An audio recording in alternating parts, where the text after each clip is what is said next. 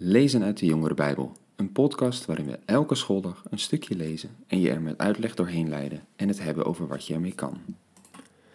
Dag jongens en meiden. We zijn dus met allerlei praktische vragen bezig deze week. En vandaag doen we weer een andere. Hoe zit het met het praten met God? Want kijk, hè, de Bijbel, dat kennen jullie ook, staat vol met allerlei verhalen dat God via engelen of via de geest of op een andere manier met mensen praat. Nou, een voorbeeld daarvan is bijvoorbeeld een verhaal uit Handelingen 8. Daarin is Filippus, een van de apostelen, die krijgt de opdracht om ergens naartoe te gaan om iemand te spreken. In vers 26 staat er: Een engel van de Heer zei tegen Filippus: Ga tegen de middag naar de verlaten weg van Jeruzalem naar Gaza. En Filippus deed wat hem gezegd werd en ging naar die weg toe.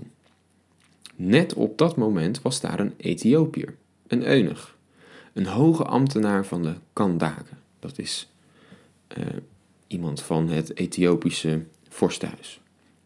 De koningin van Ethiopië. Die belast was met het beheer van haar schatkist. Hij was in Jeruzalem geweest om daar God te aanbidden. En zat nu op de terugweg in zijn reiswagen de profeet Jezaja te lezen. De geest zei tegen Filippus: Ga naar die man daar in de wagen. Filippus haastte zich naar hem toe en hoorde hem de profeet Jezaja lezen, waarop hij vroeg: Begrijpt u ook wat u leest? En de Ethiopiër antwoordde: Hoe zou ik dat kunnen als niemand mij uitleg geeft? Hij nodigde Filippus uit om in te stappen en bij hem te komen zitten.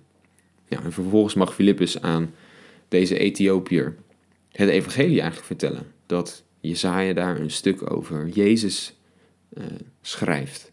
En dat dat dus allemaal vervuld is. En hij komt tot geloof. Maar daar had hij dus voor nodig dat een engel tegen hem zei waar hij heen moest gaan. En de geest tegen hem zei wat hij moest doen.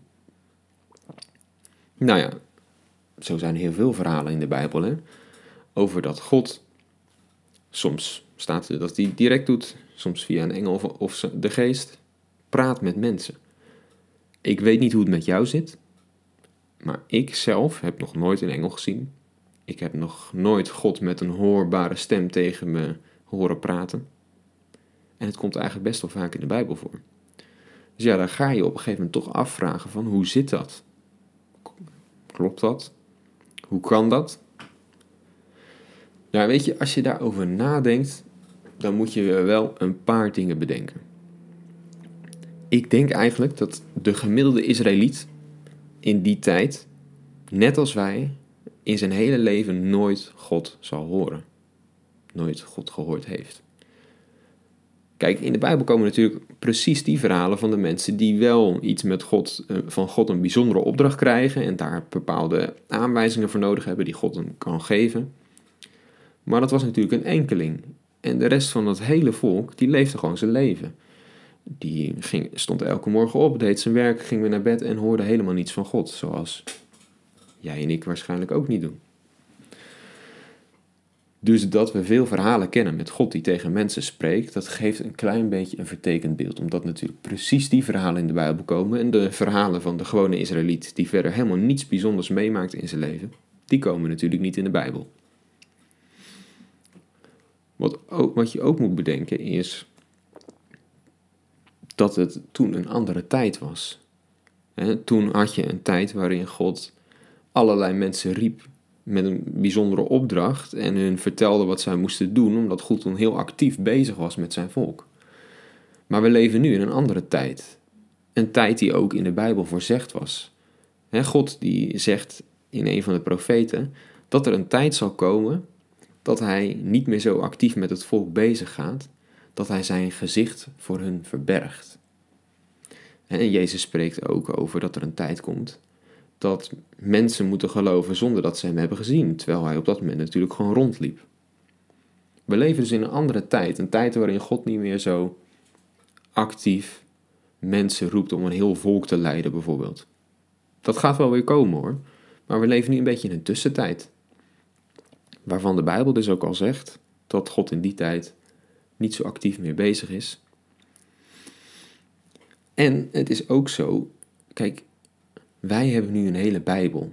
een heel dik boek waarin heel veel dingen staat die God zegt, heel veel tips staan, heel veel aanwijzingen over hoe we ons leven moeten leven. Dat hadden de mensen uit die tijd nog niet zo. In die tijd werd de Bijbel gevormd.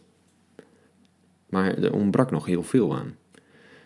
We hebben nu dus eigenlijk al heel veel teksten waar we kunnen uithalen wat God zegt over een keuze die we moeten maken, over een bepaalde situatie.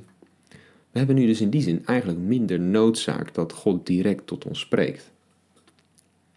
Nou is het dan zo dat God helemaal niet meer ons leidt? Ik denk eigenlijk dat dat nog steeds gebeurt, maar op een iets subtielere manier dan zo'n hoorbare stem. Bijvoorbeeld de Bijbel heeft het heel vaak over dat als je met geloof bezig gaat, dat dan langzaam maar zeker je anders gaat denken. Je gaat anders naar de dingen kijken, je gaat andere dingen belangrijk vinden.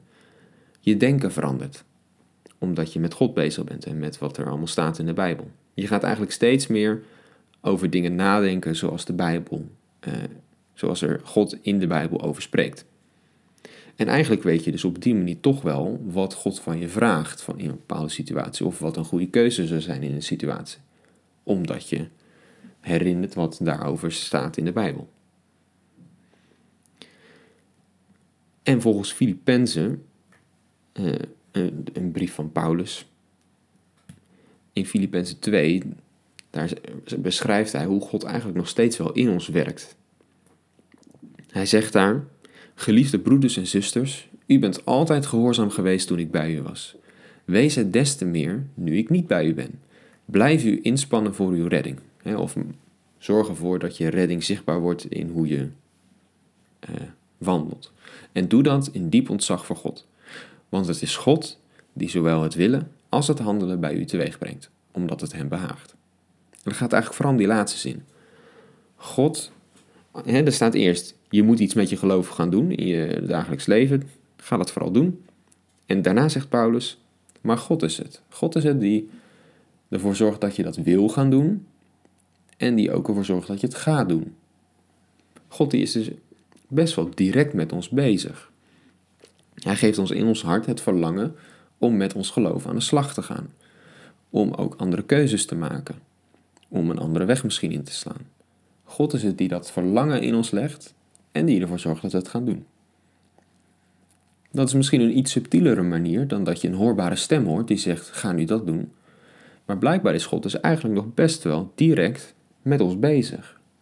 En is hij nog steeds ons wel aan het vertellen wat we moeten doen, maar dus op een subtielere manier. Door ons het verlangen te geven om aan de slag te gaan met het geloof. En als ik erover nadenk, ook bij bidden. Kijk, dat, is, dat ziet er natuurlijk vaak uit als een eenrichtingsverkeer. Wij vertellen vooral God van alles. Wij vragen wel van alles, maar er komt geen hoorbaar antwoord. En toch, als ik ergens mee zit en ik breng dat in gebed bij God, dan helpt dat me toch ook wel weer om dan te beseffen, oh ja, God is er. Oh ja, ik hoef me niet zo druk te maken. Hij heeft het in zijn hand. En dan kan ik het ook loslaten.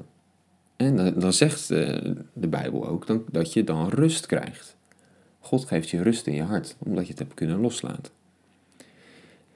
En vaak schiet me dan ook wel te binnen wat een goede keuze zou zijn een keuze waar ik rust bij ervaar. Ik denk ook wel dat dat een manier is waarop God dan mij op dat moment leidt en stuurt. Inderdaad geen hoorbare stem, maar wel degelijk. God die dat doet.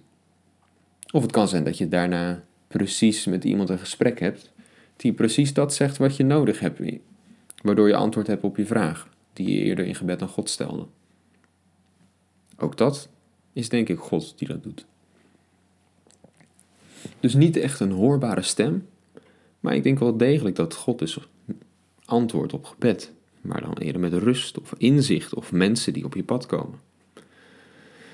Dus ja, helaas, ik denk niet dat we zo snel uh, het zo spectaculair zullen meemaken als in die verhalen. God die met een hoorbare stem of via een engel of via de geest hoorbaar met ons praat. Maar ik denk eigenlijk dus nog altijd wel dat God op verschillende manieren met ons spreekt, maar dan eigenlijk indirect. Dat kan dus zijn door rust, door inzicht, door mensen, maar ook gewoon door de Bijbel.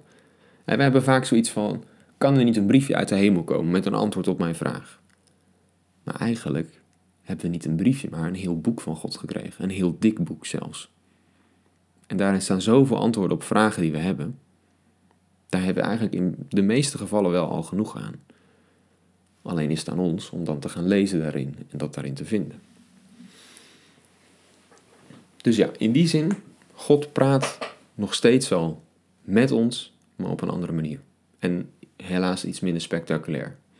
Maar nog steeds wel, denk ik, kan het je helpen om met die manier met God te leven en zo verder te gaan. Morgen gaan we verder. Tot dan.